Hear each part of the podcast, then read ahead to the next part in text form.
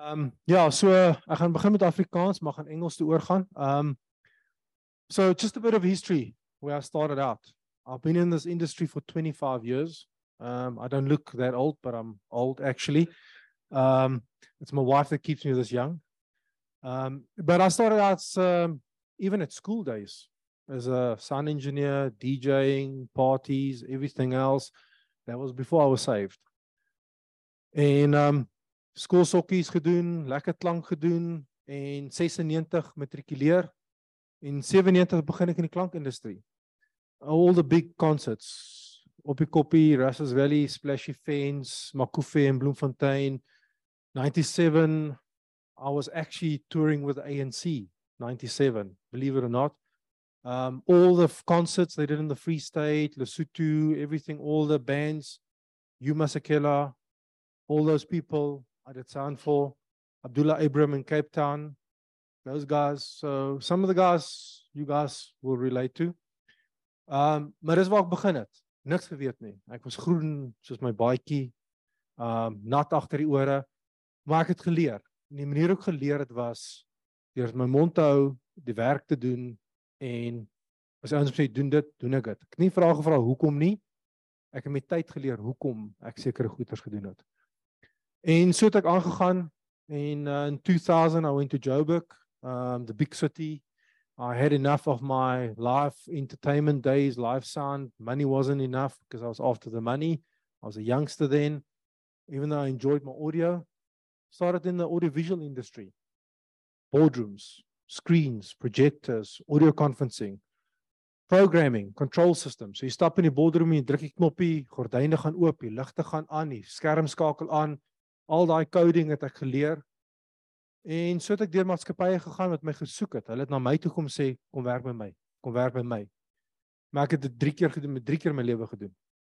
Die derde keer het ek vir 10 jaar by 'n maatskappy gebly. 10 jaar wat ons begin het as 5 mense in die maatskappy. 3 directors that started the business, sales and I was technical.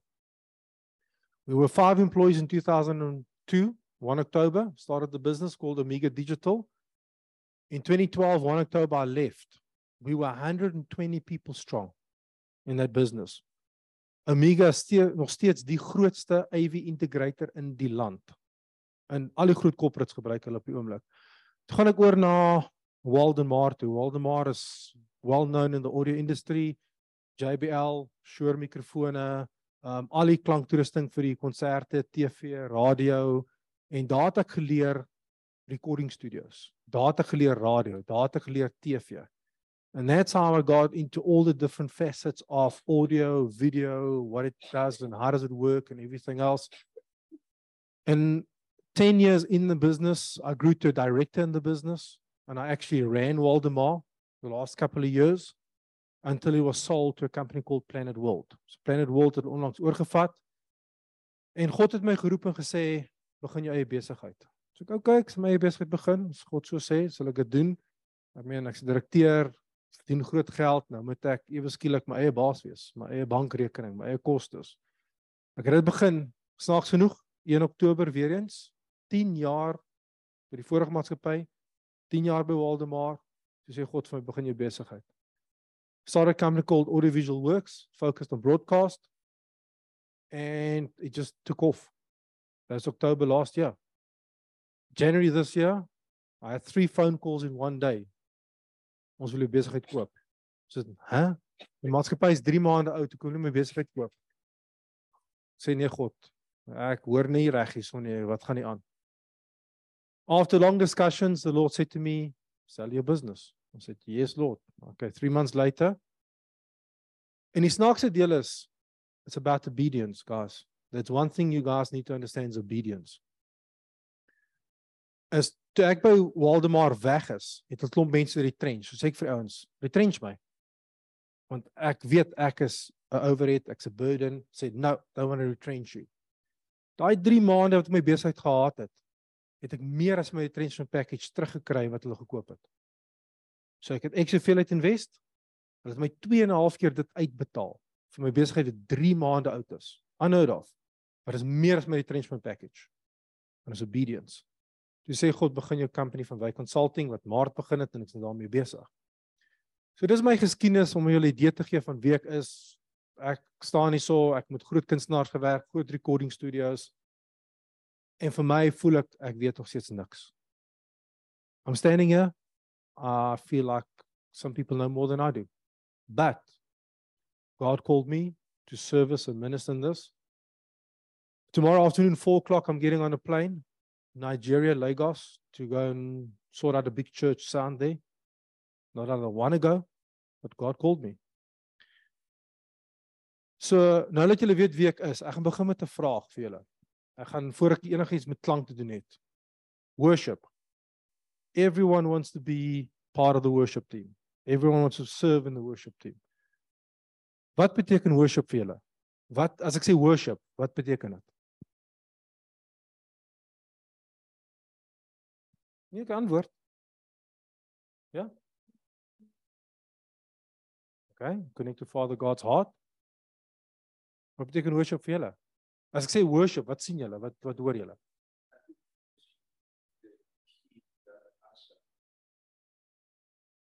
Okay, that's the key to ushering God's presence.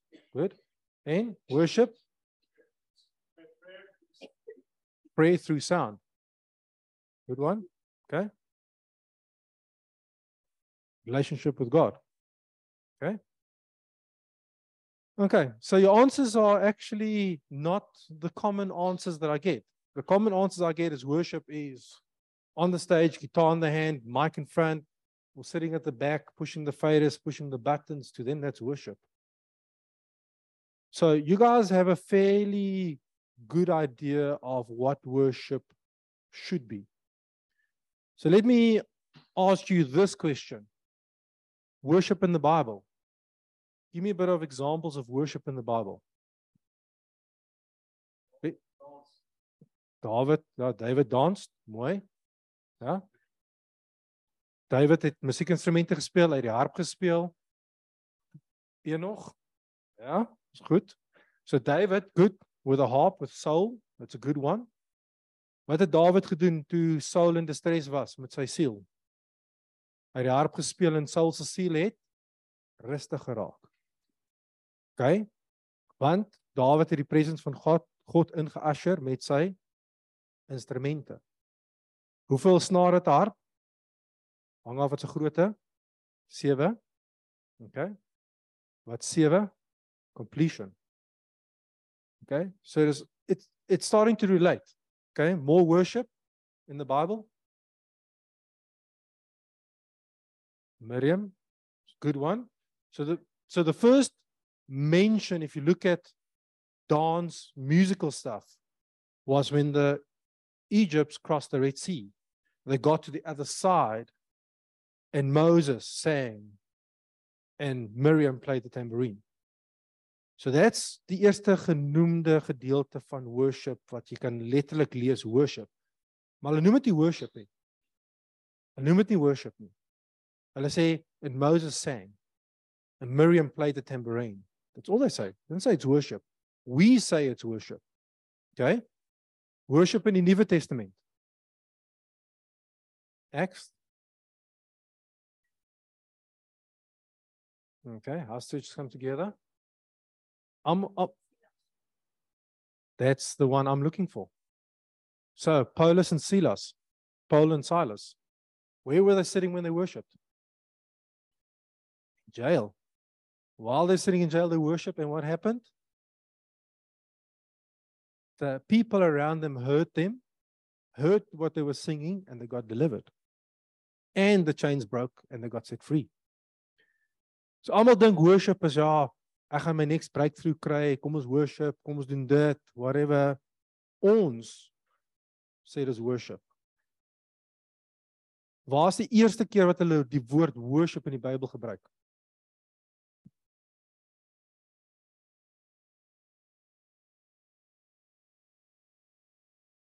Apostle Natasha preached on this.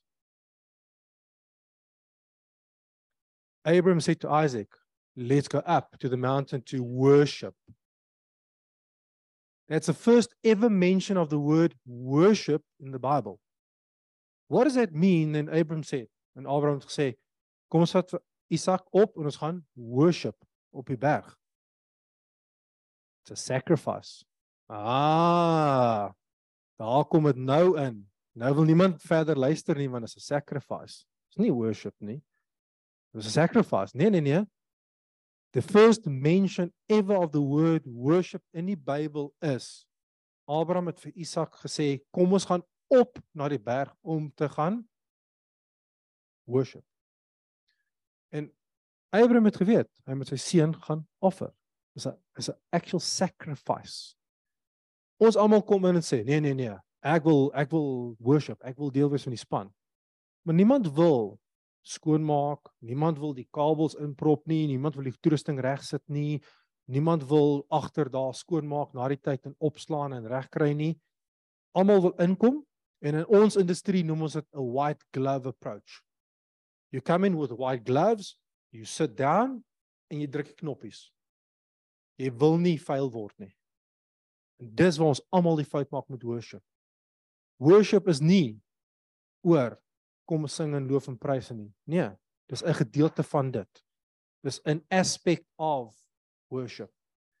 Worship is jy lê jou lewe neer. Jy lê actually jou lewe neer en sê ek sal doen wat God wil hê ek moet doen. Dis waar worship gaan. En deel van die worship gedeelte is you are a servant in the house of God. You serve. That is worship. That is worship.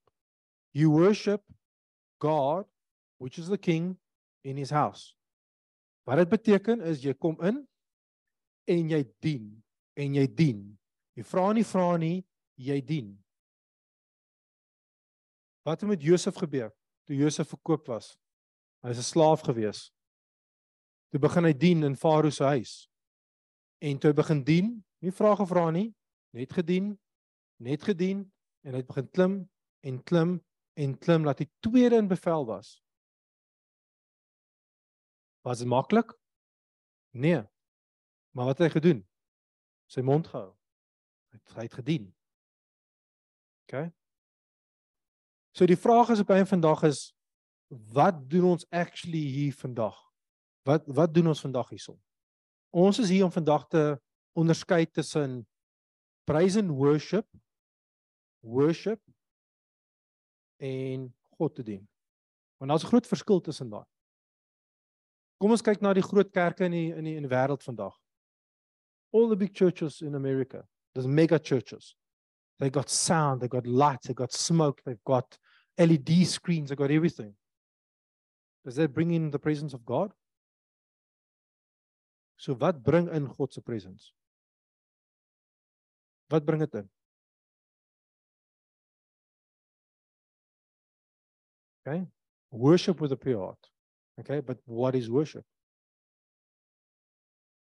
Servanthood. So wat het daai ligte of daai klank of enigiets uit te doen met servanthood? In die sad uh, gedeelte ouens is in Amerika is dit 'n beroep om 'n klankingenieur te wees in 'n groot kerk. Hulle betaal jou, dis jou werk. Dis jou werk. Hier's ek, 'n ou wat hoogs gekwalifiseerd is, maar ek vra nie 'n sent om klank te doen vir Ariel Gate nie. Nie 'n sent nie. Konferensies, nie 'n sent nie. Want ek dien in haar huis. Ek is deel van die huis. Ek kan nie na my vrou toe gaan elke aand vir haar sê ek demand kos nie. Ek doen nie. Sy kom by die huis, dan is die kos klaar gemaak. Want ek doen dit uit liefde uit. Nie omdat ek moet nie. Ek hoef nie kos te maak nie. We can get takeaways every single night if you want to as well. But I make food for my wife because I love her.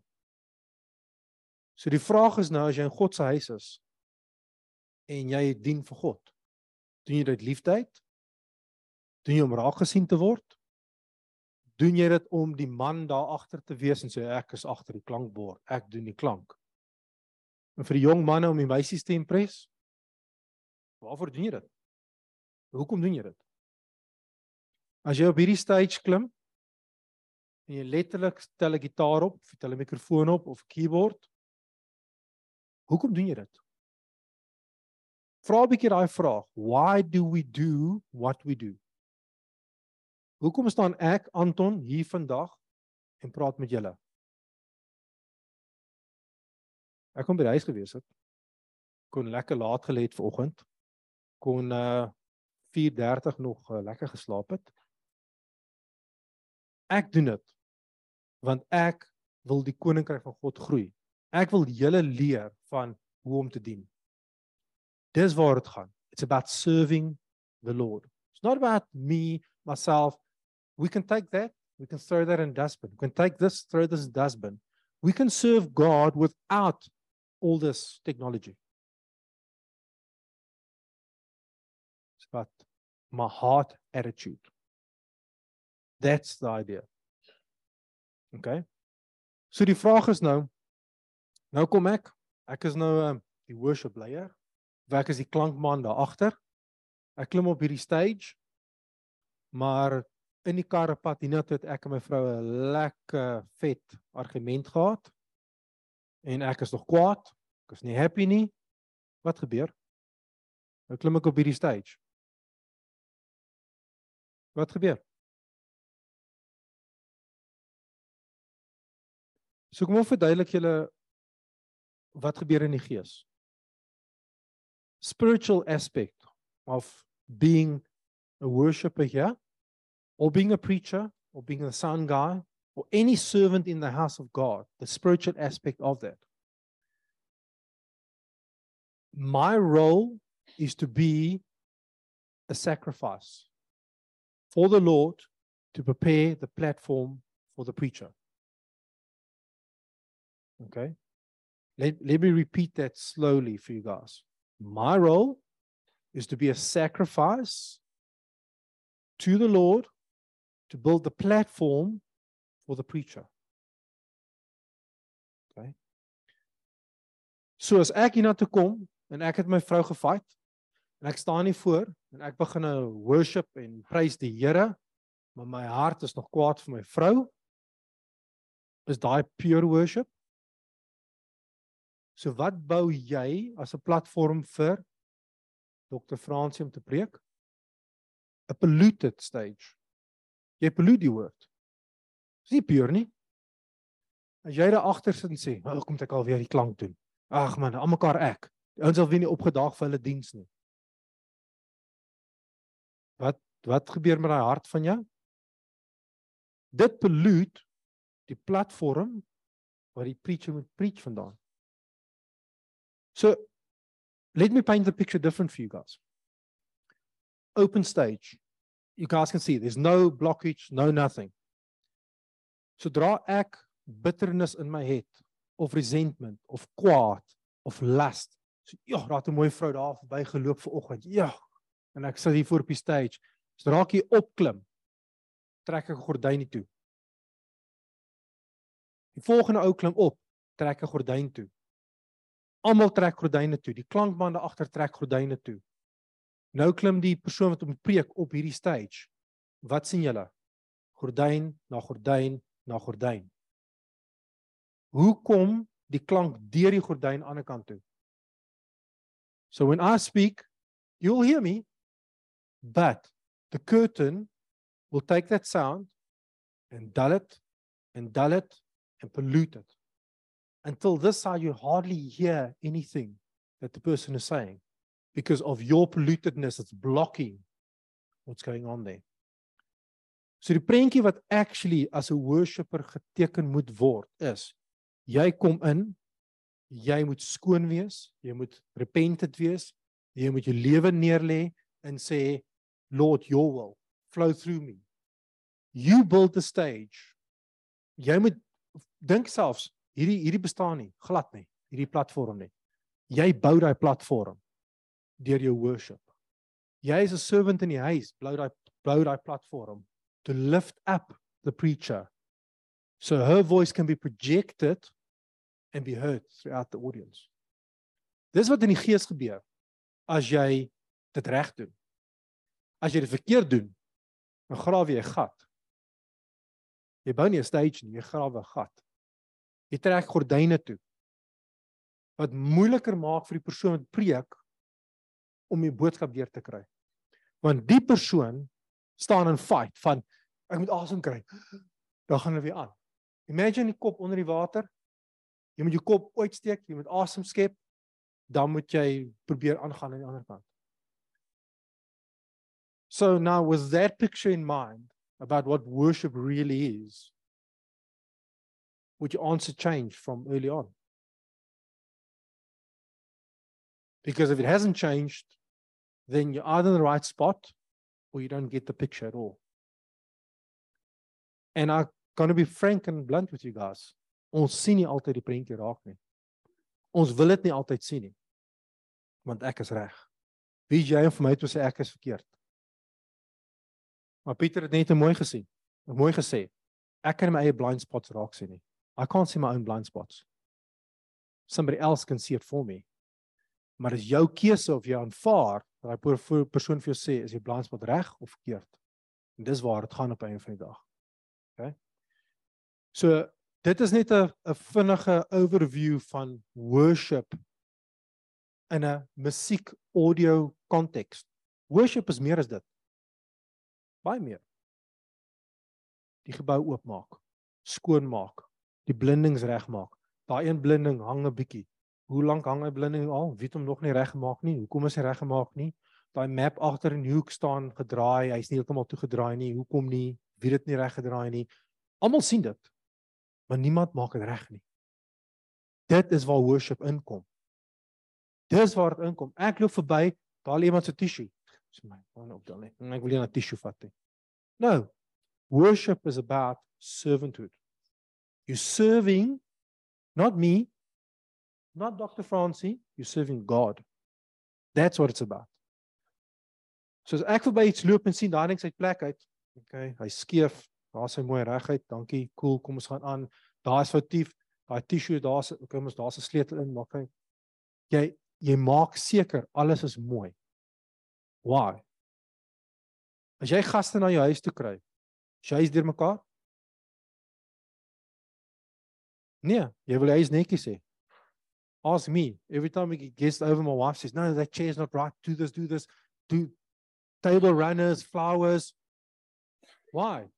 Because you have that pride like this is my house. Look what we've done. Nou kom ons kerk toe. Maar die kerk lyk deurmekaar. Dis nie jou huis die nie. Dis jou vader se huis hierdie.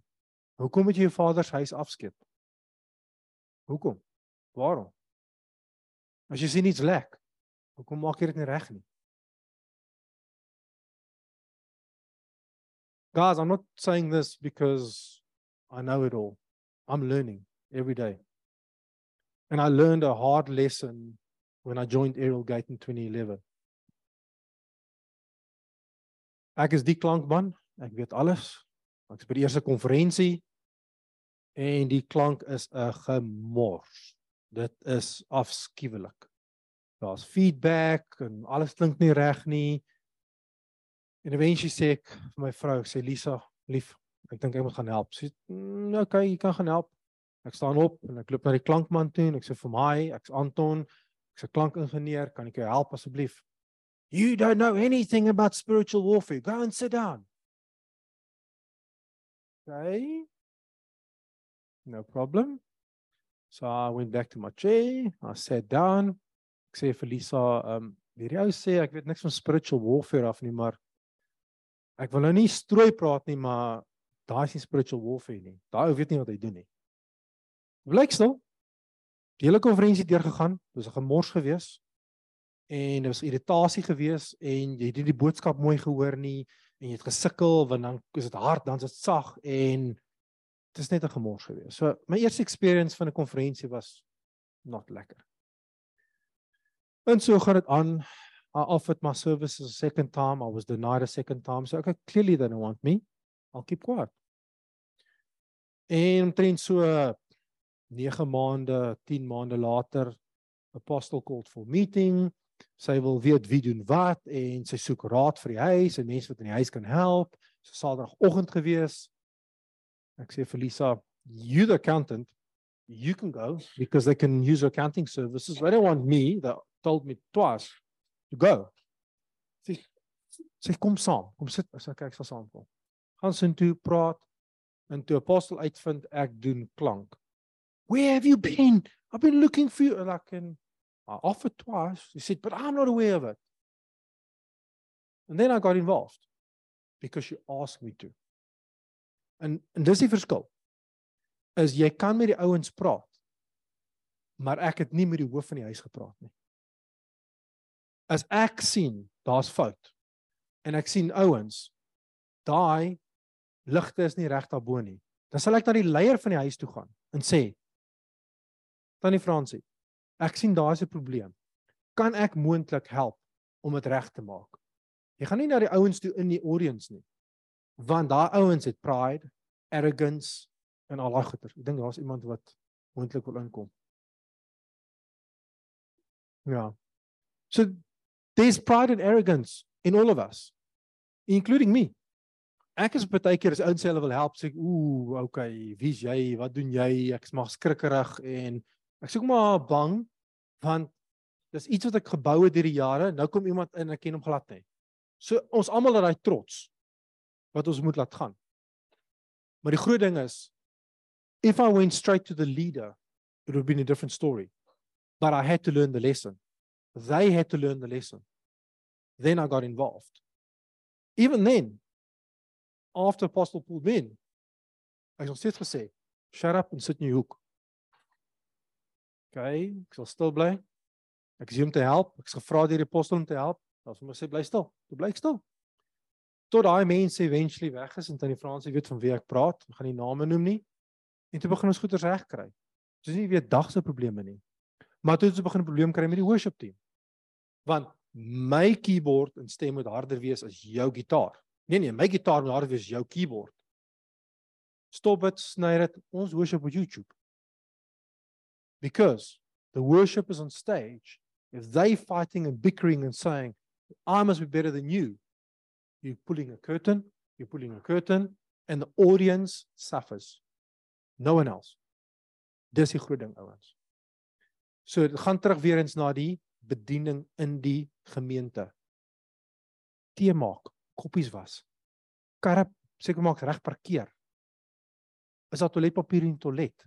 Jy stap in die toilet en o, gits, hy's vuil. Maak hom gou-gou skoon. Dis nie 'n gemors nie, maar jy maak dit skoon. Dis waar dit gaan, ouens. Want is jou pa se huis. As jou pa se huis deurmekaar is en hy het gaste hierso wat sit en 'n Sondag kom en dis nuwe mense en dis gaste. Wil dit mooi dat lyk? Natuurlik wil dit mooi lyk. So worship is not just sound, audio, video, lights, smoke, camera, action. It's not that. Worship is let's go up to sacrifice. Sacrifice what I make the most of my life. Abram asked for Isaac for how many years? Eventually, he got Isaac. The one thing he loved was hy gaan sacrifice op die berg. So die vraag is baie keer ek wil 'n klankman wees. Ek wil 'n video ou wees. Partykeer moet jy begin toilette skoonmaak voor jy daar uitkom. Ja? Asseblief. Ja. Wat Anton hier sê is so belangrik and one of the biggest problems is coming in the house and seeing something is wrong or not in place and then you think luckily it's not my problem it's the worship or it's uh, the the usher or it's the and you do not take responsibility to get up and to set that thing right. I want you to say something about this.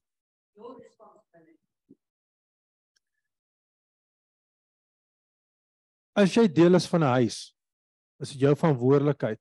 Kom ons vat 'n voorbeeld. Ons almal het 'n huis, ons almal bly in 'n huis of jy bly in jou ouers se huis as jy nog gelukkig is en um, daai blessing het dat jy hoef te worry oor geld in jou eie huis nie. Maar as jy sien die kraan lek, gaan jy dit los. Nee. Want daai kraan kos geld. Elke keer as die water drup, jy betaal vir daai water. As die ligte aanhou brand, jy betaal vir daai ligte, so jy gaan daai regmaak. Jy is deel van die huis. Jy's deel van Perez. Wat beteken is dis jou verantwoordelikheid. Soveel as enige iemand se verantwoordelikheid om dit te kan doen. Maar hier is die ander gedeelte is. Voorstel, kom ons gebruik Pieter se voorbeeld. Hy is die klankman, hy sit daar agter. Jy kan sien Piet het 'n moeilike aand gehad, die baba het gehuil en hy sukkel om te fokus. Maar jy's nie aan diens nie. Jy kan vir hom sê Piet, kom ons ry uit vir die dag. Ek sien jy's moeg. Dis deel van dit. Dis deel van daai opoffering. Ek sit baie keer in die audience in Ariel Gate. Met apostel sê jy sit daar want ek wil jou daar hê. Die kameraman voel nie lekker nie, gaan ry ek met die kameraman om. Of die klankman, gaan ry ek met die klankman om. Want dit is deel van serving. Jy moet foute wat jy sien regmaak. As jy dit nie regmaak nie, is dit soos kanker. Dit groei en dit groei en dit groei tot 'n punt waar dit breek. Dan wys almal vingers na mekaar toe en sê maar dis jou skuld, dis jou skuld. Nee nee nee nee. Dis ons skuld. Ons. Collectively it's our problem.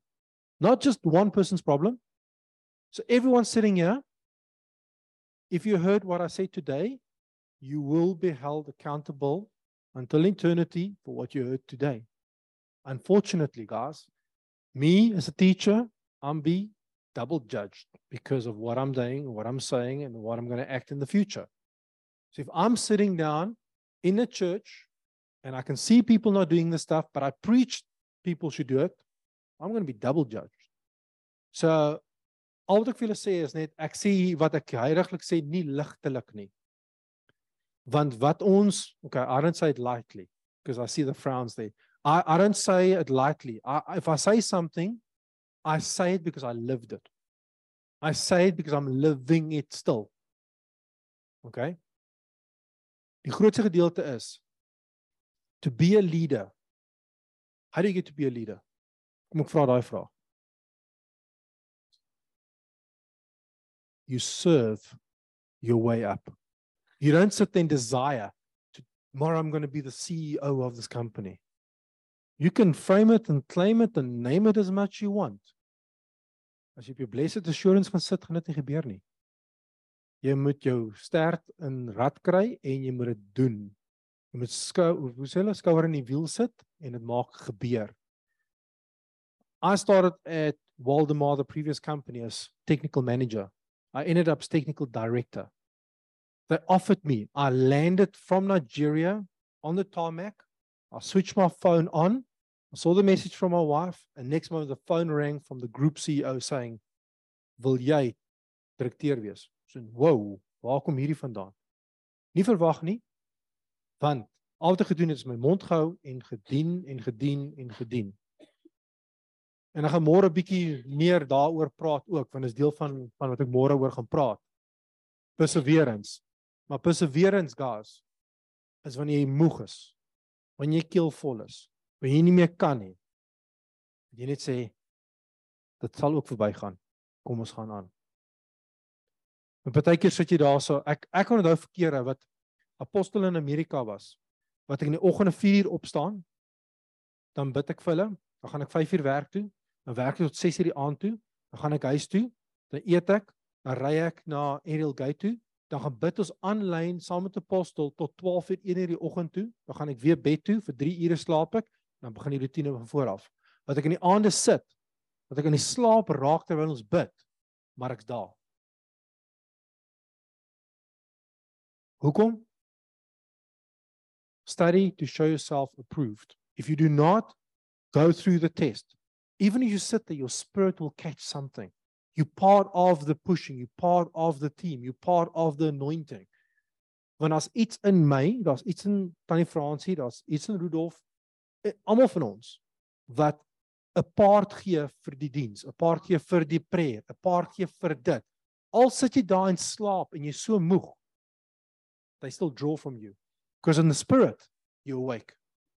The flesh might be tired. The flesh might be weary, but the spirit's alive. En dis kom baie mense, nee, ek is moeg. Ek wil nie vandag kom nie. Ja. Ek het nie vanoggend uit die bed uit geklim het, ek's eerlik. Not even denying it. Lekker gewees in my bed vanoggend. Maar toe ek hier na toe ry en begin bid, toe voel ek, wow, hier's iets wat gebeur. Hier's iets wat dryf. Hier's iets wat so 'n dynamo wat begin opwek. Daar's iets wat gaan gebeur vandag. I can't tell you yet what, but there's something going to happen from this. But I can feel it. But everyone here is a piece of the puzzle. If you do not show up, we can't complete the picture. Dis hoekom ek sê is moeg of nie moeg nie, jy's hier. Siek of nie siek nie, jy's hier. Ek het al met COVID opgestaan Edelgate toe gaan om iemand se funeral daar te gaan doen want niemand anders was beskikbaar gewees nie. Ek het dit gaan doen. En die tweede keer het ek op 'n video call gesê, druk daai knoppie, druk daai knoppie, neus 'n bietjie hard, bietjie sag op 'n video call. Maak sy bed met COVID. En dit gaan nie oor my nie. Dit gaan oor apostel moet die woord bring. Apostel moet 'n standvaste platform hê. As ek dit nie doen nie, dan wie's om my? En dit is die probleem wat ons almal hier het. If you look around us, think about it where you are in your scenario right now. If you're not at church that Sunday, is there somebody filling that gap? If the answer is no, there's a problem. If the answer is yes, then you guys got a good problem. We had that problem for almost four years, where it's my wife and I at Ariel Gate. We ran everything at Ariel Gate. Two of us. We went there, falls apart. Now, people came in and they went. Ingekom en gegaan. Nou begin daar standvastigheid kom. Maar dan standvastigheid gekom deur hulle op te lei. Die wat 'n sifting proses deurgegaan het, het gebly en hulle vorm na die volgende level toe. En van daai gaan weer val. Van daai gaan weer weggaan. Maar ten minste een of twee wat kan vul. Vir 5 jaar het ek my vrou nie verlof gevat nie. Want ons nie daar is nie. Wie gaan dit doen? En dis die probleem wat ons hierso mee sit ook, heidaglik. As iemand nie is nie, val dit uitmekaar uit. Dis 'n probleem. Waar is die liggaam van Christus? Waar is die support? Waar is die mense? Waar's die servants? Want as jy nie 'n servant is nie, okay? Wat doen jy? You are all called to be servants. So if you're not serving, where are you serving at? As ou genaamd Phil dis Phil Driscoll. So van julle sal Phil Driscoll ken. Hy het 'n liedjie. You got to serve somebody. So as jy vir God dien nie, vir wie dien jy? As jy nie eh, by 'n kerk dien nie, waar dien jy? By die local bar, by die local nagklub, local restaurant, jou TV. Waar is dit? Wat's meer belangrik as God se kerk? Wat's meer belangrik as jou mense om jou? En dan kom ons in COVID en dan word ons geïsoleer en dan next moment, hoeveel divorce rates het ons? Want hulle hou nie aan God vas nie. Dis waar dit gaan. And here's the thing is husbands serve your wives and wives serve your husbands. So your servant. So as jy dit nie doen nie, wat dan? Dis die basic principles, guys. Is serving, serving, serving. Lay down your life as a living sacrifice. Romans reasonable sacrifice Romans ja 12. Okay ek is nie baie goed met scriptures nie. Dis een ding wat ek Hallo. Welkom. So dis een ding my gifting is die scripture nie. Ek eerlikwaar, soveel ek scripture wil onthou, nê? Ek kan nie ek kan vir julle goeie sê, maar kan jy sê waar kom dit vandaan nie? Kan jy sê Romans 12 vers 11? Ek kan nie. Maar ek kan vir scriptures aanhaal. So elkeen is 'n gifting. Da ehm um, Natasha daar het gesê Romans 12, sy ken die scripture goed. Dit is deel van haar gifting. Maar as sy nie hier was vandag nie, hoe wat dan? Ons help mekaar, ons voer mekaar, ons vier mekaar aan. Dis belangrik mense. Dit's baie belangrik. So baie vandag is my eerste gedeelte waar ons gaan oor praat is klaar gepraat oor worship. Worship is sacrifice. Gaan dink 'n bietjie daaroor. Waar sacrifice jy? Wat offer jy op? Hoeveel ure 'n dag spandeer jy op hierdie ongelooflike ding wat ek baie keer wil weggooi. Hy's baie behulpsaam partykeer, maar party hy's 90% van tyd 'n ewel. Hoeveel van ons kinders vandag? Ek ek travel baie oor see. Op 'n trein. Ouens. Hulle loop in die strate.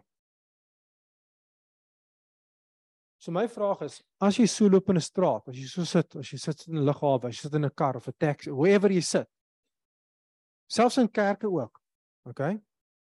Kyk in kerke op 'n Sondag. Kyk 'n bietjie. Hoeveel mense is op hulle fone besig tot die worship begin of gedurende worship? Dan vra jouself as die vraag is wie wie bedien hulle? Wie wie wie worship hulle? If you're here to serve, you put all that down and say, Lord, here I am. Use me. How do you can use me, Lord? How can I be a, a funnel or voice for you today? Is wat dit is. En as ons dit nie like nie, kan ons vra my foon af te sit asseblief. Ja.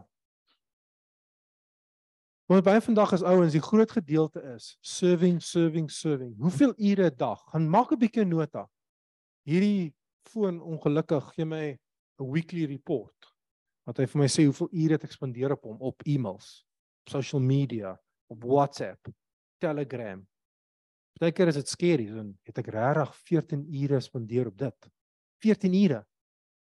Dis dis amper 2 dae se werk. Twee volle dae, 2 8 uur dae wat gaan is, wat ek nie gaan terugkry nie op 'n foon. Maar vra jouself is hoeveel spandeer ek met God? So 'n bietjie. Hoeveel doen ek met TV? Hoeveel doen ek vir wat? Nou vra die nou gaan die volgende vraag inkom. Ouens. I'm at work. I I'm I've got a corporate life. How do you expect me to worship God and have my corporate life? How do we do that? How do we do it? Pete smiling there at the back.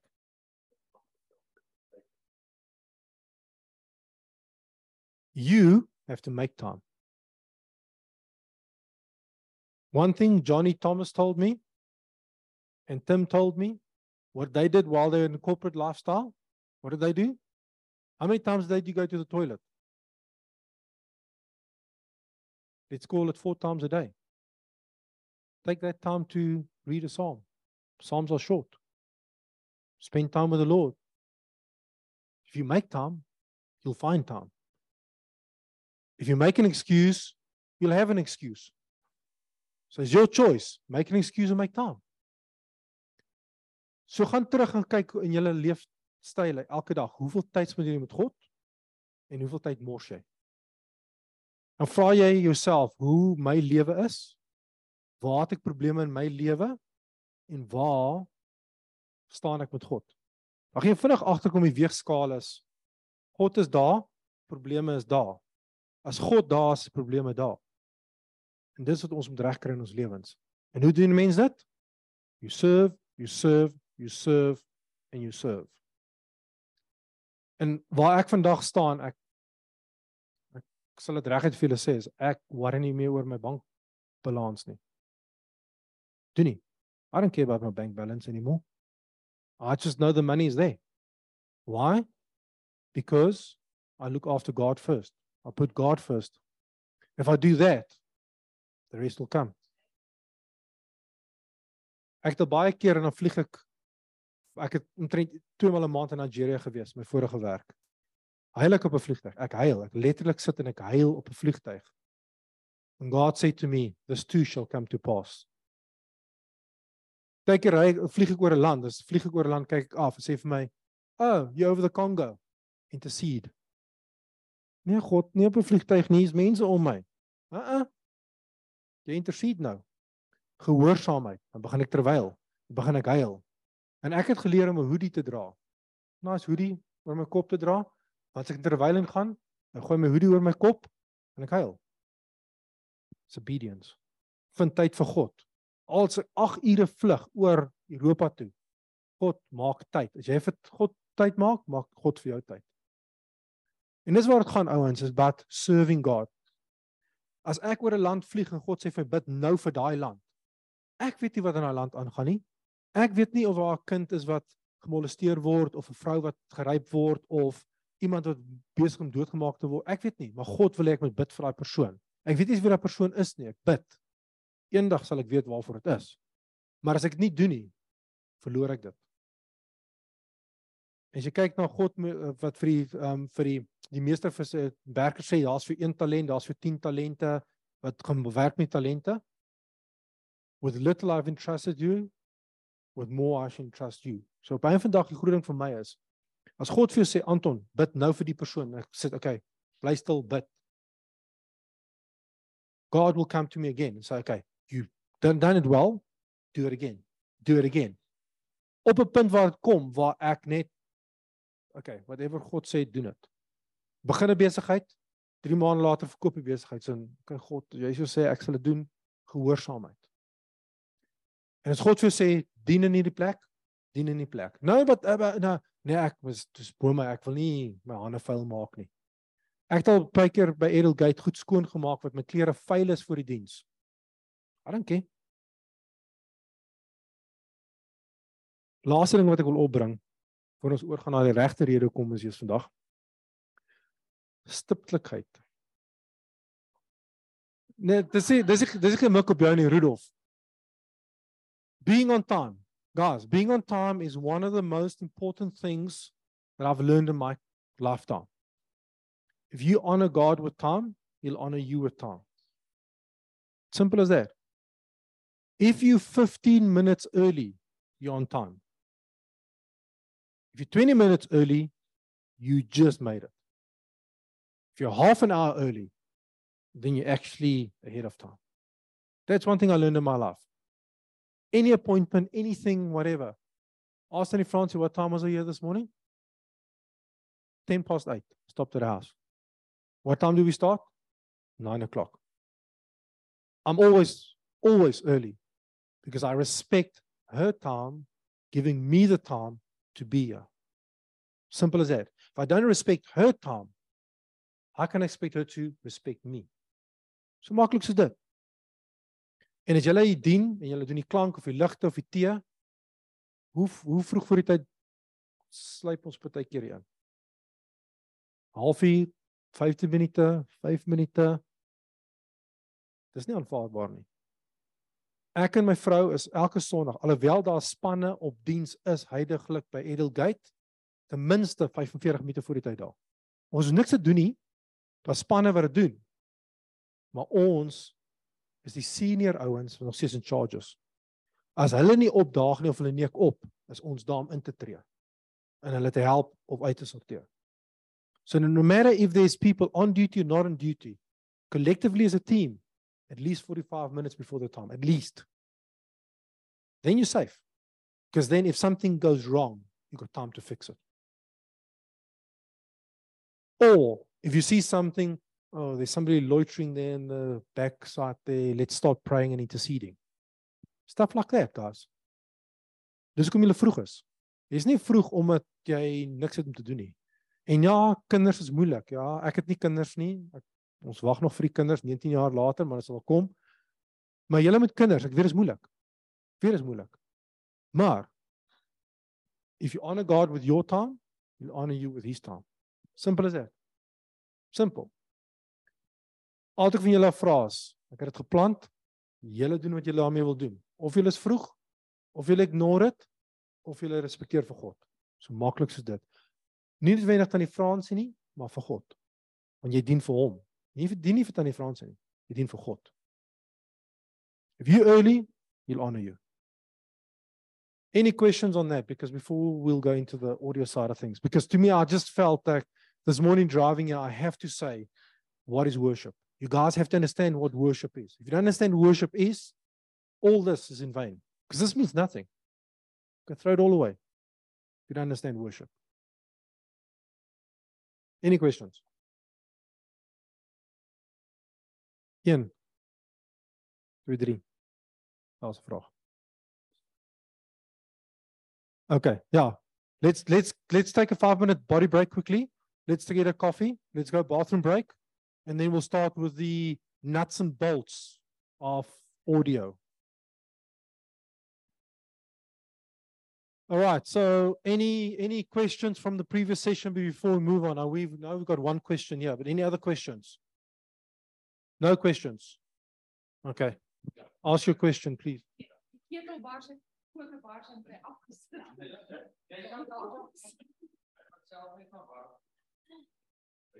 Jy moet jou vraag vra.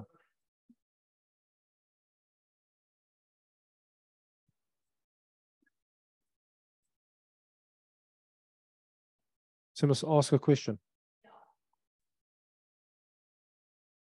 My my vraag was nou nou is hoe kry jy dat die liggaam, die kerk, elkeen in die kerk besef dat jy is nodig? How do you get the church the people in the church to realize that even if you are the foot, even if you are the ear, even if you are the arm, you are you you are needed in the body of Christ. En if you if you are not there, as jy nie daar is nie, kry die liggaam seer. Daar's mense wat dink net die sienerstel, net net die worshiperstel, net die Hoe kry jy die gemeente om te besef dat elke een is nodig? Yeah. Okay, that that that question is a very relevant question. It's a very difficult question, but the easy answer, in my mind, is what does the scripture say? I always go back to scripture. Everyone was fearfully and wonderfully made. Everyone was created for God's pleasure. So if you're created for God's pleasure, which is Revelations 4, if I remember,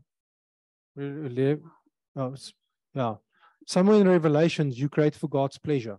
Okay. If you create for God's pleasure, why are you relevant? As God jou gemaak het om vir hom plesier te gee, hoekom is jy irrelevant? Hoe hoekom dink jy jy behoort nêrens nie? So if God made you for his pleasure, he made you fearfully and wonderfully, you are made by him for him. So you are needed. And I think this is a misconception that the devil or the lie that the devil's been telling the people in the church for quite a while. You're not needed. You're just sitting there. The prophetic people is important. The worship is important. The past is important. No. Everyone's important. Okay.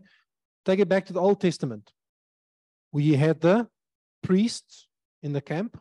Okay, let's go back to the desert where the Israelites went through the whole desert and the camp. they put up the whole tabernacle and everything else. You had the priests, they lit the fire, they put up the actual tent, they did the sacrifices. The sacrifices was for who? The priest, the priest did the sacrifices to God, for God. Okay? And when there was a sin atonement, it was for the people.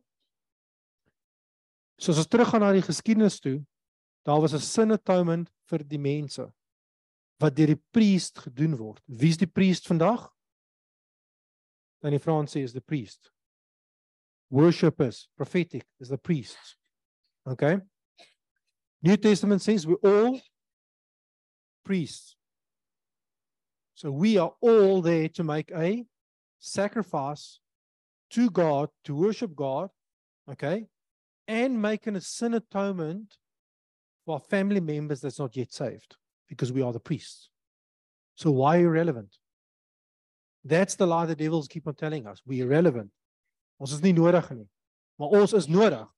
Want as ons gekol is om 'n priest te wees in ons huis en my suster is nie gered nie, is ek die priest wat die sin offering atonement maak vir my suster wat nie gered is nie om haar sin te atone. Maar ek maak 'n sacrifice as 'n priest elke dag aan God. So hoekom is jy relevant? Elke persoon is 'n priest en elke priest het 'n duty. Die een het die hout gedra, die een het die gordyne gedra. Net sekere priest mag die Ark of the Covenant gedra het. Elke ou het sy doel. So as jy nie 'n doel, as jy een van die sewe ouens is wat die Ark of the Covenant moes gedra het en jy het nie opgedaag nie, wat dan? Dan gaan hulle swaar dra aan die een kant. Jy het 'n job. So elke persoon is relevant in die kerk. Dit is 'n baie high touch antwoord ek vir jou gee want jy kan baie dieper gaan op die op die op die antwoord, maar antwoord jou vraag. OK. Enige ander vrae? Die vloei, jy het gevra oor die vloei van die worship.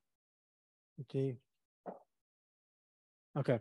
So one of the questions was is if you're sitting in the congregation, you're hearing the worship, but you're not feeling it. Okay. So the, shut up, sir. Didn't ask you. So the question is, where's the problem? Is the problem with me or the problem with the worship? That's the first question you should ask yourself. Everyone everyone goes to the point like in, ja, die worship musiek vandag is lekker nie. Nee, hulle sing nie wat ek wil hoor nie. Dis waar die probleem inkom, wat ek wil hoor. Okay? Your duty as a worshipper, as somebody doing the sound, as playing the music, is getting the flow, getting the anointing going.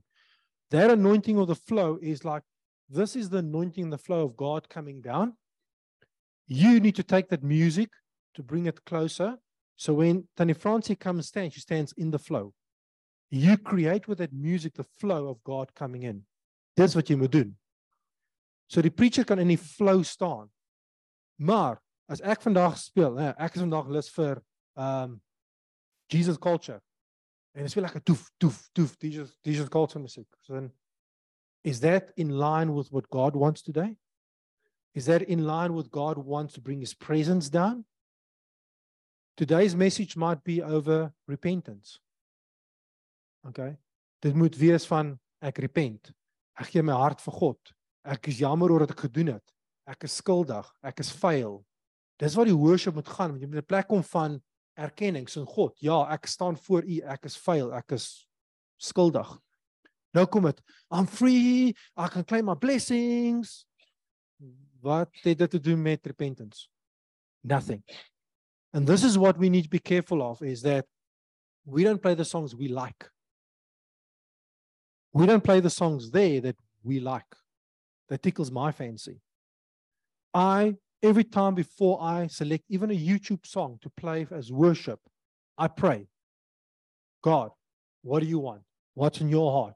What's the message of today? What's going to land today? And 95% of the time, I'm hitting the mark. Hear me carefully 95% I'm hitting the mark. 5% I'm off. Okay? Want die vlees, die vlees sê ek wil dit hoor, ek wil dit hoor, ek wil dit hoor. Maar weer eens ook. Partykeer kom daar toetsie op jou pad. En God sê vir jou, speel die sang.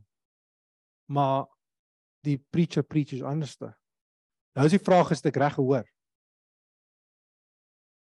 Nou toets hy jou. Nou toets hy jou. Wat gebeur met jou hart? Am I now going into a place where like I didn't hear from God, the preacher's off, I, I'm what, I'm wrong, what's happening? Uh, it must have been the fight I had with my wife and that's what I want to do. No. Sometimes God tells you things to make sure you're obedient and listen to what he says. Sometimes I bring a vision which is not even totally related to what is happening in the sermon. but was I obedient? Did I bring it? So the the important thing is ouens wat julle moet onthou is as julle enige worship daar agter doen of speel of die klank doen, julle is die conduit, die pyp vir God se glorie om af te kom. En as God se glorie afkom, it's all done. Then it's easy. Then the preaching is easy. Elke ding anders is easy.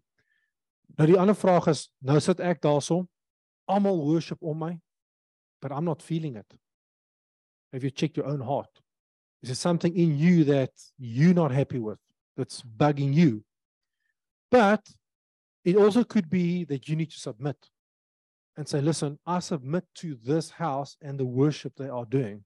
Because sometimes you are called to different worship. You've got a lovey dovey worship, you've got a bit of a hype worship and you've got a prophetical worship. Now, sometimes we go in prophetic worship with YouTube, believe it or not. You can do it. But the question is like, no, these guys are weird. Why are they listening to all those weird songs? No, no, no. If you come into a house, a house smells a different way. It smells a certain way every single house. Like I remember my grandmother's house. If I walk into a house, I always smelled flowers and certain things and the furniture. If I walk into my own home after a long trip, I smell my home. It smells differently. Each home or house got its own aroma and own fragrance. Now you come in and say, I want to smell orange blossoms. No, no, this is a peach house. It sounds simple, but that's the way it is. So, are you sensitive enough to accept that this is a peach house? That day, submit and say, I'm submitting to the peach house. Accept the worship and flow with the worship. Want daai worship wat jy kan doen, ons net daaroor gepraat, is as jy submit en jy sê okay you worship en jy actually lê regtig jou lewe neer in jou worship create jy 'n slipstream for the person behind you that's struggling. You're creating a flow for the person behind you that's struggling. So if you are really laying down your life and really submitting you're helping the person behind you that's struggling. And you might be called to that service to help the person behind you break through their bondage So be careful of what you choose to do or not to do in a church service. Nee, ek gaan nie my hande opsteek nie. Hierdie mense is mal. Ek steek nie my hande in 'n kerk op nie. When I just got saved, God I was lying in bed. God said to me, that was 20 my second time I was saved, 2010, 20, 2009. God said to me, get up and dance. Ek gaan nie nou dans nie. Dis 11 vir die aand. My vrou is in die bed. Uh -uh. Hy sê get up and dance. Ek sê vir my vrou, ehm, um, dis wat ek hoor. Sy sê in doen dit. Ek sê uh mm -mm, sê doen dit. If a wife tells you to do something, you do it. Got up, danced, and then my prophetic gift, gift grew because I listened to what God is saying. En hier is hier is die groot verskil.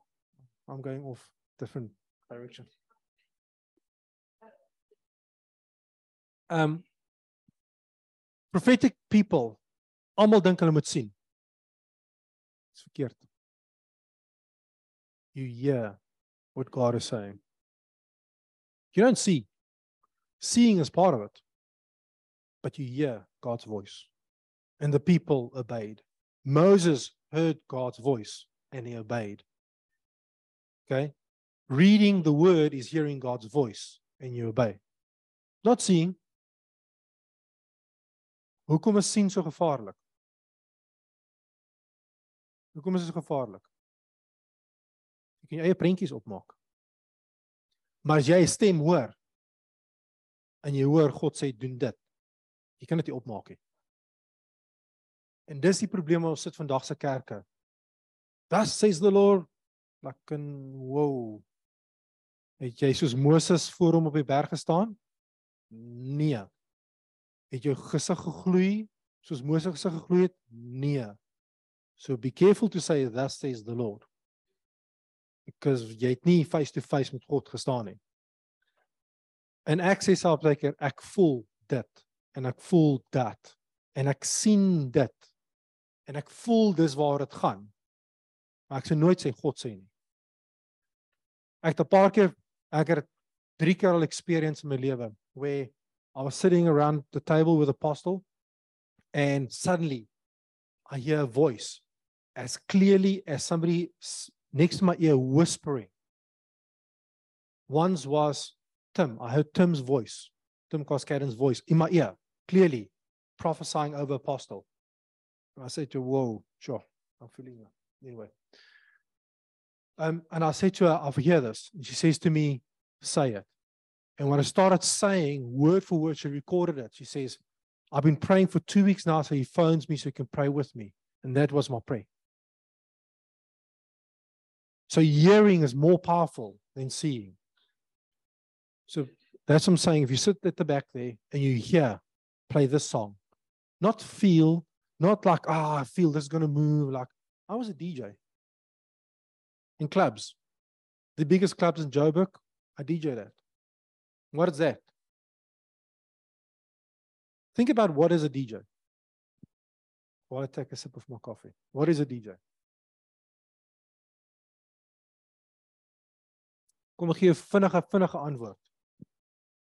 Is a worship leader for Satan. Simple as that. It's a worship leader for Satan. You hype the people up as a worship leader for them to drink more, smoke more, party more, do drugs more. You hype them up because you feel that song with that lyrics, with that beat, is going to raise their heart. That's going to push them to go and get more alcohol. So look at that on the flip side. When you're a worshiper in the house of the Lord, what should you feel? You should feel the heartbeat of God. You should feel the heartbeat of Jesus on the right hand of the Father, ever interceding for us, what He's interceding, and translating that on earth. That is your call as a true worshiper. If you really want to call the word worship, that is what you call to do as a worshiper. So, my question is if I sit here and I rehearse a song and I play the song over and over, what am I doing? I'm just uttering it out. I'm just repeating it. It's just on autoplay. That's all it is. Die vraag is nou net doen ek dit uit autoplay uit of doen ek regtig om God te worship? En dis waar ons moet kom op 'n punt ouens, is waar ons moet wees. Is waar ek kan sit en my oë toemaak en sê God vloei deur my. Heilige Gees vloei deur my. Jesus vloei deur my. En as dit begin vloei en ek begin sing, is it powerful.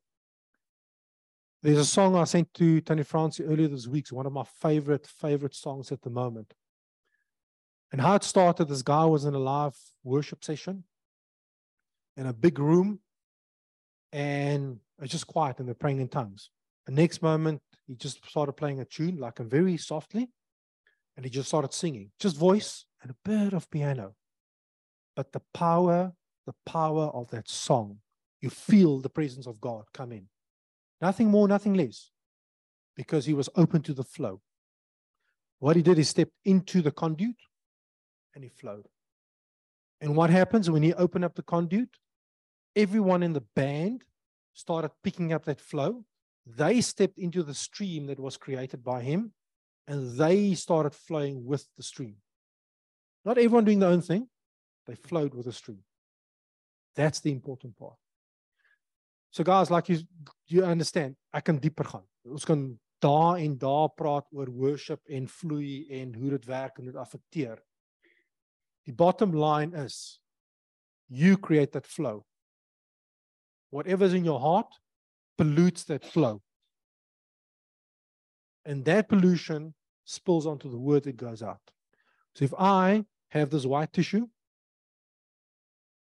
it's white, this is the flow we create. Now my worship comes.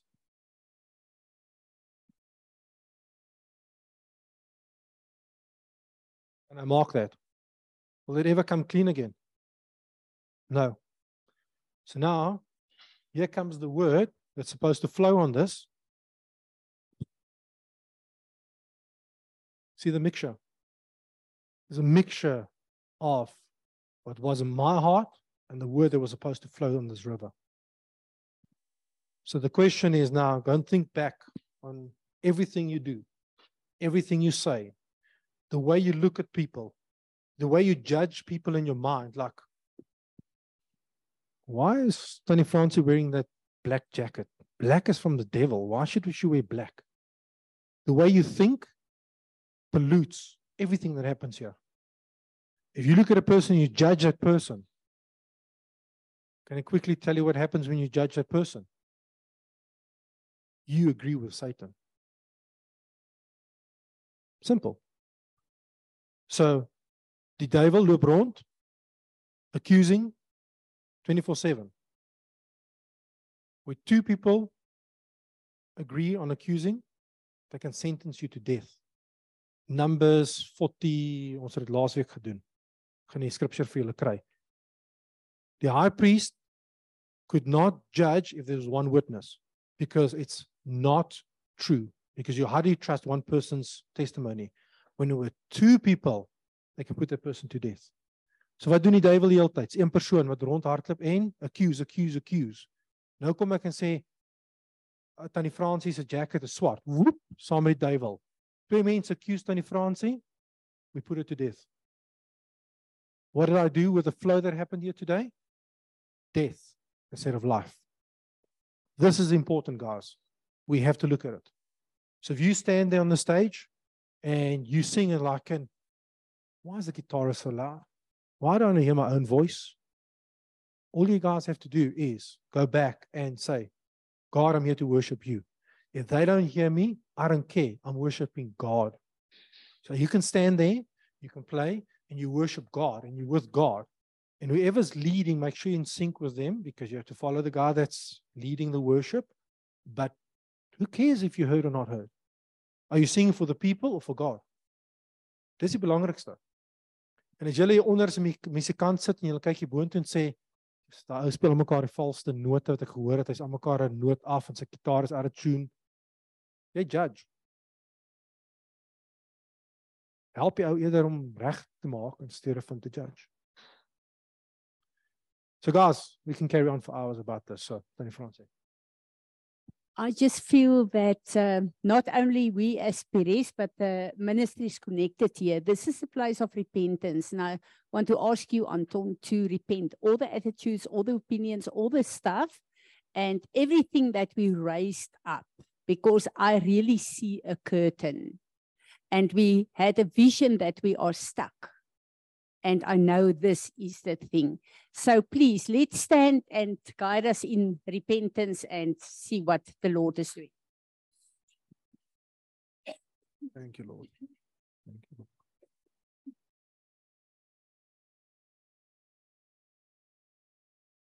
So, Lord, we come before you this morning, Father, and Lord, Father, every single word that was said this morning, Lord, I'm guilty, Lord. No matter how I spin it, no matter how I'm trying to turn it, Father, Father, I'm I'm part of the accusers that are accusing you, Father, but yet I'm as filthy as filthy can be, Father. And because of my filthiness, Father, I'm polluting the people around me, Father. Father, because of me standing down here and judging, Father, I'm actually agreeing with Satan, Father. I'm actually doing a character assassination right there, Father, and killing them in the right spot there, right there, Father. Lord, I'm guilty. No matter what the enemy is bringing or trying to defend, Father, Father, I cannot get out of this one. Father, I'm as black as tar today, Father. Father, my words, Father, raised a banner, a banner of death over people instead of a banner of life over people, Father. So, Father, I ask you with your mercy and your grace, Father, as Jesus, you hung on the cross of Calvary, Lord, and you tore that veil, Father, of the temple. I ask you not to come and tear this banner, this veil that I've erected over people, all the opinions I had over people, over preachers, over anything in my life, Father, knowingly and unknowingly, Father, tear those veils, Father. Tear it, Father. Break it, Father. Father, send your holy fire, your Holy Ghost bombs and burn on these banners today, Father. Father, I don't want that shadow to cast over people, Father. I don't want the shadow, Father, to actually hide those people. I don't want the shadows, Father, to actually consume the people, Father. Father, because those shadows are driving the people into the deepest, darkest corners, Father. And that is where the self mutilation comes from, Father. The self cutting, the self pain, the self blame, Father, where they start using drugs and alcohol and the abuse. Because I cast a shadow of death over them, Father. Father, I'm guilty, Lord. Lord, only your blood can wash me clean, Father. Only your word, Father. Your blood speaks the better word. Only that word can set me free today, Father. So, Lord, I don't even know what the enemy is accusing me of, but Father, every single accusation they are raising against me, my house, and my family, all the way back to Adam, my mother, my father's side, I agree with those accusations today, Father. And I ask, Father, for your forgiveness. I ask, Father, today that you come and have mercy, Father. Have mercy on me. Have mercy on my mind, Father. My mind was not set as the mind of Christ, Father. It was set to the mind of the devil, Father. It was set to the mindset of this world, Father. It was consumed by this world, Father. So, Lord, I ask you today to come and change my mindset. Wash me clean, Father, from head to toes. Let your water wash over me and wash my brain, wash my mind, wash my thinking, wash my understanding, Father. Father, the way I see people. Father, I want to see them like you see them. As Jesus is sitting on the right hand of the Father, forever interceding. Father, let me see through his eyes. Let me hear what he's hearing. Let me feel what he's feeling. Because only then I can truly understand, Father, the sympathy and the empathy you have for people. Because I do not understand that, Lord. I do not have the capacity to understand that, Lord. So, Father, every single word of judgment I spoke over people, I ask you to come and null and void those judgments right now. Father, where I spoke death, I ask you to speak life over them, Father. And Father, I choose today to speak life. I speak life, life, and life over every single one around me, in my family, in my connections, anyone that I ever met in my life. I speak life over. I speak a blessing and not a curse, Father. Break all those curses, Lord. You broke the curses on Calvary. Break the curses over these people that are uh, cursed, Father. Break it, Lord, in Jesus' name. Set them free. We have enslaved people.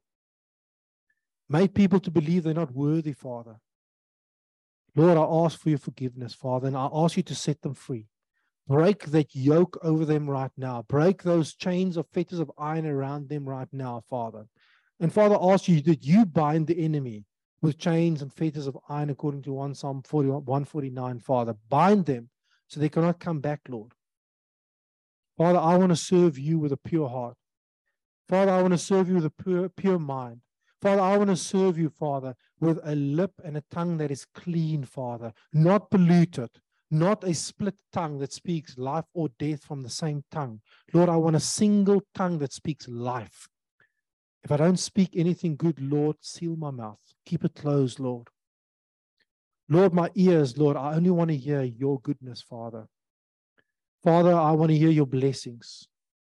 Father, I want to actually, Father, stand in this flow, in this river. Wherever I polluted this river, Lord, I repent.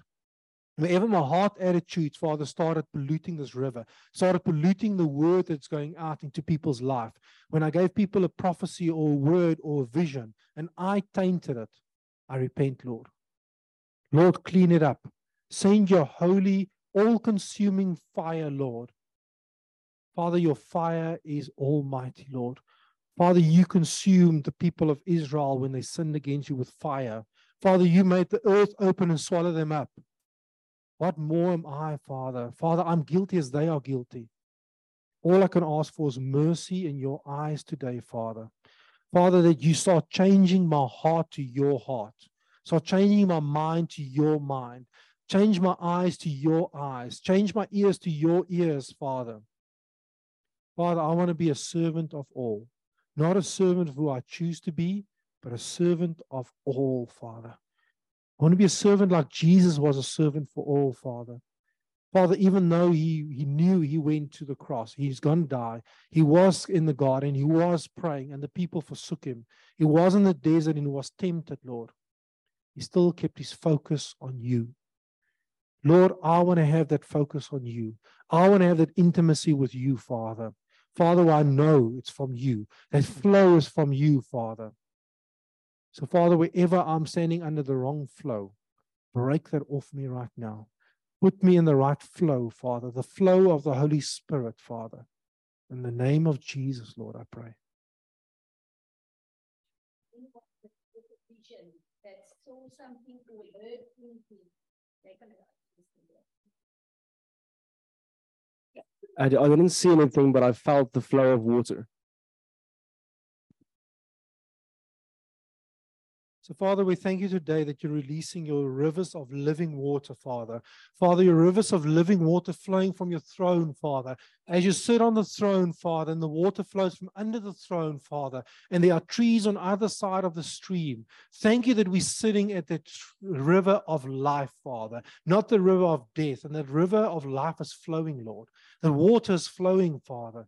Father, thank you that where there's rivers of flowing water is life.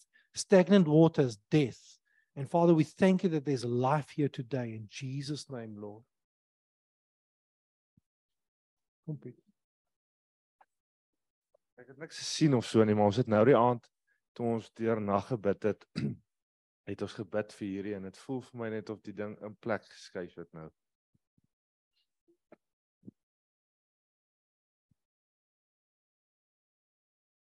Soos wat Anton jy weet gebid het en jy het vir my die hele tyd net gewys dat jy weet ons het vir so lank jy weet in die kerk het ons heeltyd probeer uitfigure maar jy weet wat is fout? Wat gaan van buite af? Jy weet en ons die hele tyd jy weet buitekant te probeer gaan en jy weet ons moet die ding doen en daai ding doen en eintlik half hoe kan ek sê in die in die verlede probeer ingaan en sê maar jy weet wat is die verlede in die in die fondasies van die kerk wat fout is wat ons moet uitsorteer maar dis wat hy bid sien ek die protokol van ons heiliglik jy weet wat dit is. En ek sien hoe ons met moddervoete hier instap en hoe ons die vloer eintlik net vol modder trap en hoe ons met ons jasse inkom wat vol olie en allerlei goeders is en in plaas om jou voete by die deur skoon te maak en jou jas by die kapstok op te hang is ons besig om die goed hier in te bring en die banke is vuil en die mure is vuil en in dieselfde proses is ons besig om hierdie goed nog te vat en mekaar met dit te gooi ook en vinger te wys maar is jou skuld en is jy en is hierdie en is daai.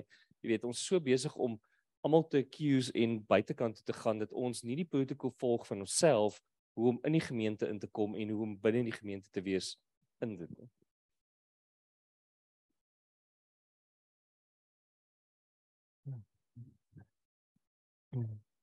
Ja, Here, ek kom vergifnis vra namens myself en hierdie gemeente, Here. Jy weet vir vir die feit dat ons nie die protokol volg om in u huis te wees nie. Weet dat ons nie na onsself kyk en onsself uitsorteer nie, Here, maar dat ons altyd dink dis iemand anders se skuld, dis iemand anders se verantwoordelikheid, dis iemand anders wat iets moet doen, Here. Here, en dat ons die audacity het om mekaar te judge, mekaar af te breek en mekaar vuil te maak as gevolg van dit, Here. Here, ek wil kom vergifnis vra vir my verkeerde mindset en dit wat ek hier inbring. Here, my opinie, my idees en Here my selfsug wat ek hier inbring en die feit dat ek lus is om my eie selfsug te konfronteer en daarmee te werk en by u voete te kom neer lê sodat u met my hart kom werk nie Here. Here ek wil vergifnis vir my harde hart dat ek in die plek inbring dat ek nie diensbaar is Here en dat ek nie veranderbaar is nie Here en dat ek wil toelaat dat u my verander nie Here. Here ek wil vir u vra dat dat u my kom help. Weet dat u my kom help om in hierdie gemeente in te stap volgens u protokol. Weet dat ek in hierdie gemeente instap. Weet met 'n hart wat bereid is om te verander. Weet dat u my hart sal kom verander in 'n hart van vlees en nie 'n hart van klip nie. Weet dat u die hart van klip sal begin uithaal in my en elkeen in hierdie gemeente se se lewens, Here. Weet dat u my en elkeen van ons sal help om te verander en en om sag te word en om diensbaar te wees vir u, Here. Weet dat ons waarlik vir u sal werk en nie vir onsself en vir ons eie egos nie, Here. Here kom help ons om waarlik in u diens te staan, Here. Dankie daarvoor, Here. Amen. Vader, ek wil kom en ek wil as leier my kom humble voor U. Ek wil kom vergifnis vra, Vader, laat ek aanstoot neem. Omdat mense nie serve nie en daar net altyd 'n groepie is wat die servants is. Ek wil kom vergifnis vra dat ek aanstoot neem. Elke keer as U hierdie wonderlike woorde bring om ons te was, om ons te bekragtig, om ons te verander en ek sien nie die vrug nie, dan is ek kwaad. Ek wil my kwaad, my aanstoot, my woede, wil ek kom bely. U sê in u woord, die een het gesaai en die een het nat gemaak, maar u alleen is die een wat die vrug bring. Vergewe my dat ek moeg geraak het om al die werk te doen omdat ek nie 'n vrug sien op baie plekke nie. Vergewe my. En ek wil kom en ek wil vra Here dat U my opnuut sal posisioneer en sal salf. Dat ek in hierdie plek serve om U te serve in die eerste plek. En wat deurvloei, wat groei, is U alleen wat dit doen. So vergewe my dat ek graag die vrug wil sien en geniet en dat dit my verhinder om met liefde en kommitment aan te hou om u te bedien en u te dien. Amen. So very important. Pete saw that we came to the door with our feet full of mud. and our coats full of dirty oil. So, what does the feet talk about? Our walk, the way we walk the gospel. So, we come in with dirty feet from the outside, which means we dirty the gospel. Now we're coming to church and trying to be all clean and pure and holy, but we've dirtied the gospel. We slandered the gospel in the world. Coats full of oil. What does oil and coat speak about?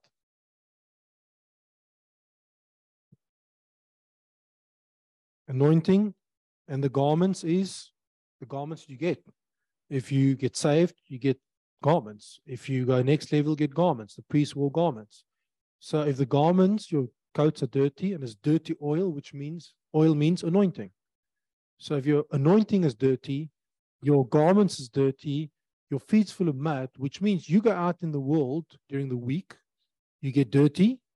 Now you come Sunday, you bring that dirt into the church instead of being clean before you come into this building. Which means is where's the repentance? Where's me working on myself? It's not Tony Francis' job to get you all clean and holy and or the pastor's job. Your job. Your job to get yourself clean. So I think there needs to be a place where we all repent, where we guilty of sitting all holy on Sunday in church, going out during the week, getting all filthy and dirty, and bringing all that dirt back in here so the pastor can wash you to go out nice and clean and fresh and tra la la, but get dirty again. So who wants to repent of that?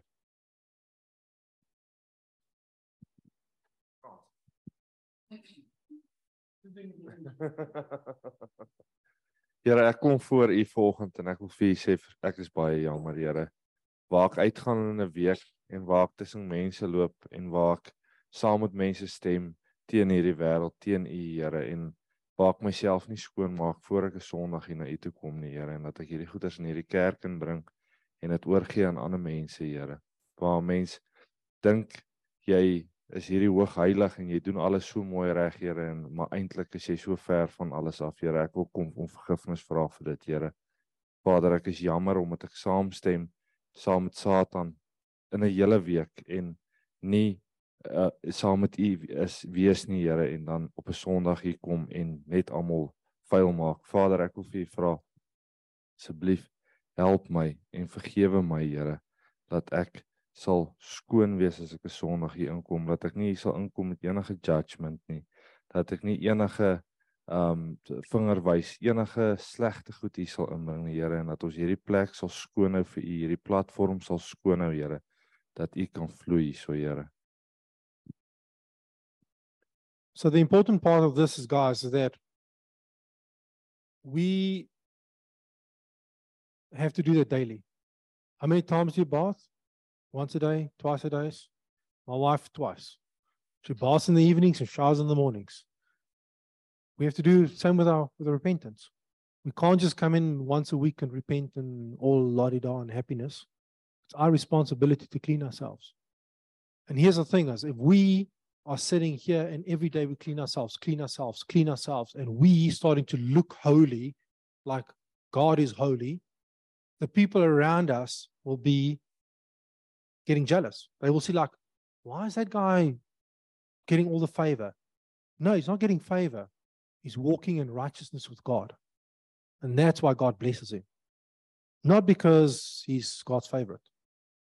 So we infect, affect each other with the holiness around us. So if we live holy, we can spread that holiness to everyone around us. If we're dirty, we can make other people dirty. The same as we pollute the stream. Especially you guys as servants in this house. If you serve here and there's any sin in your life, that sin goes directly from you straight onto the audience. What's the purpose of the Sunday message then? Null and void. Yeah, Pete. Okay, this is not what I planned, I promise. I'm just going to say it, you know, like like a year as you as you're speaking. The other side of the coin is where we must be very careful for is do not think you need to be perfect to come in here. Um all of us have sin, all of us struggle with stuff, but it's a willingness to change, it's a willingness to repent, it's a willingness to to break up your own selfishness and to work on yourself. It's not to be prideful and it's not to think you're perfect and you're okay and everybody else has problems. So that's the other side of the coin. Um, of course, we will come in here with with problems. Of course, we will come in here with with sin, but we we have a willingness to repent of it, and we have a willingness to you know to stop it and to sort it out out, out in our lives. When we do not, you know, want to do it anymore, then that becomes a problem. Hmm. So Pete just preach part of what I'm saying tomorrow, but the it's a choice. Holiness starts with a choice. Dis die belangrikste. Jy moet kies. Gaan ek hierdie koekie steel? Gaan ek nie die koekie steel nie. Gaan ek vir daai girl check wat daar loop of nie check nie.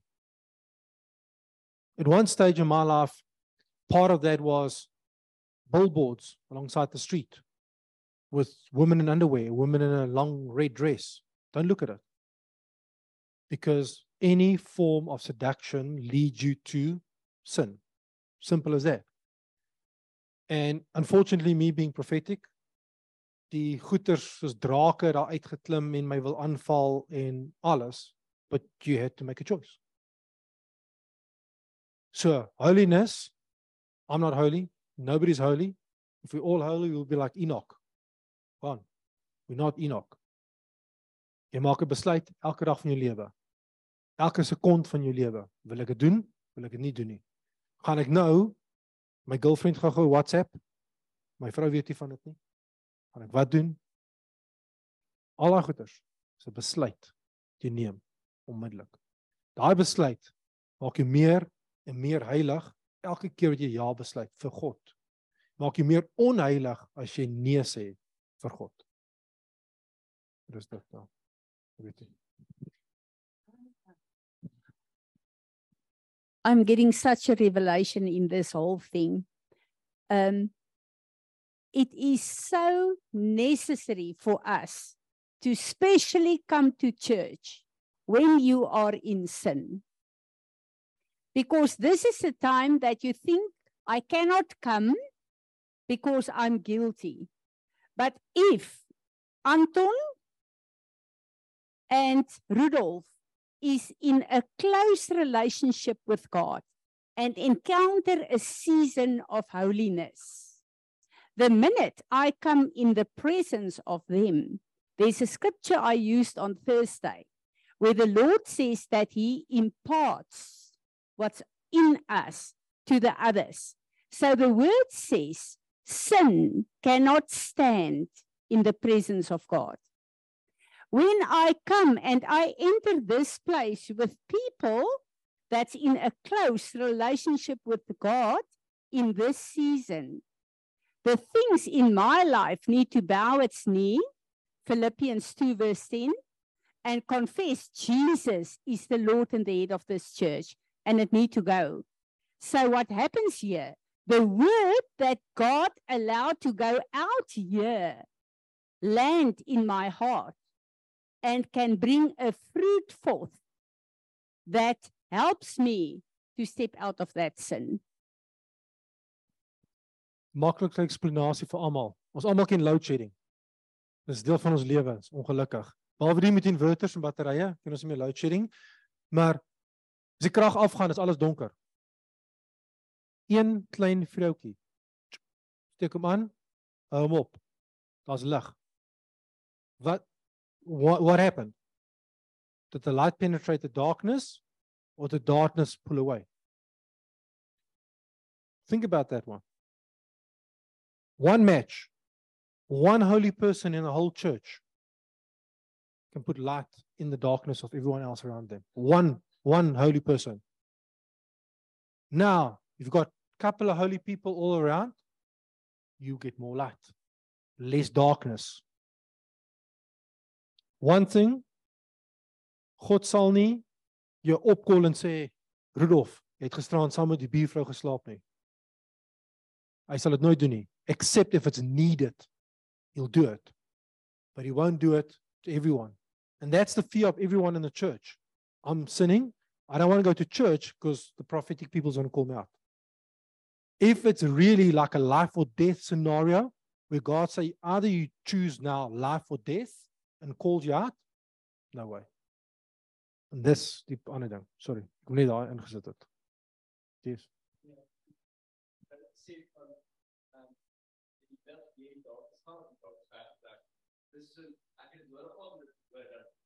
net daai ingesit het. Yes. So think about it. Does the light penetrate the darkness or the darkness pulls away? Think about it. So darkness only exists because there's no light. If there's light, there's no darkness. So darkness pulls away. Which means if I'm holy, and unfortunately I was in a lot of false prophetic churches, the head prophetic person cannot look me in the eyes. Going to their church, one of the big guys in Nigeria, I'm not going to mention names, in his church because I had to fix his sound, came up, I stood. He couldn't look me in the eyes. He always looked like around me. I didn't do anything. I didn't confront him.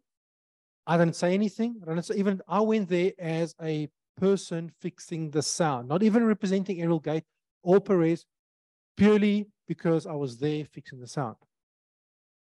That same person called me to his office, couldn't look me in the eyes. Everyone else, he looked in the eyes except me. Handed all of them envelopes with money in it. Didn't give me an envelope and say, please give that envelope. Didn't want to hand it directly to me. Didn't take it. Didn't touch it once. I gave it to charity. Don't even know what's in there. Why? You have to make a choice. If he's a false prophet and he can't look you in the eyes and he's trying to give you money, uh uh-uh, uh, do not go there. Even though that money in the envelope, I think was a $200, something like that. How much? 40,000 Rand? 40,000 Rand in an envelope. I needed that week to fix my car, 38,000 Rand. Didn't touch it. Money came the week after, somewhere, some form. I could have taken it. It's all about choosing holiness, choosing God. If I'm the light in the darkness and he's the false prophet, I just flick the big, light the match. Darkness pulled away. Think of that. You, as worship people, as people serving in the church, can be the light or you can be the wind blowing out the light. And the light is the pastor, because the pastor is going to give light to the people, but you can go hmm, light out. Okay, so be careful.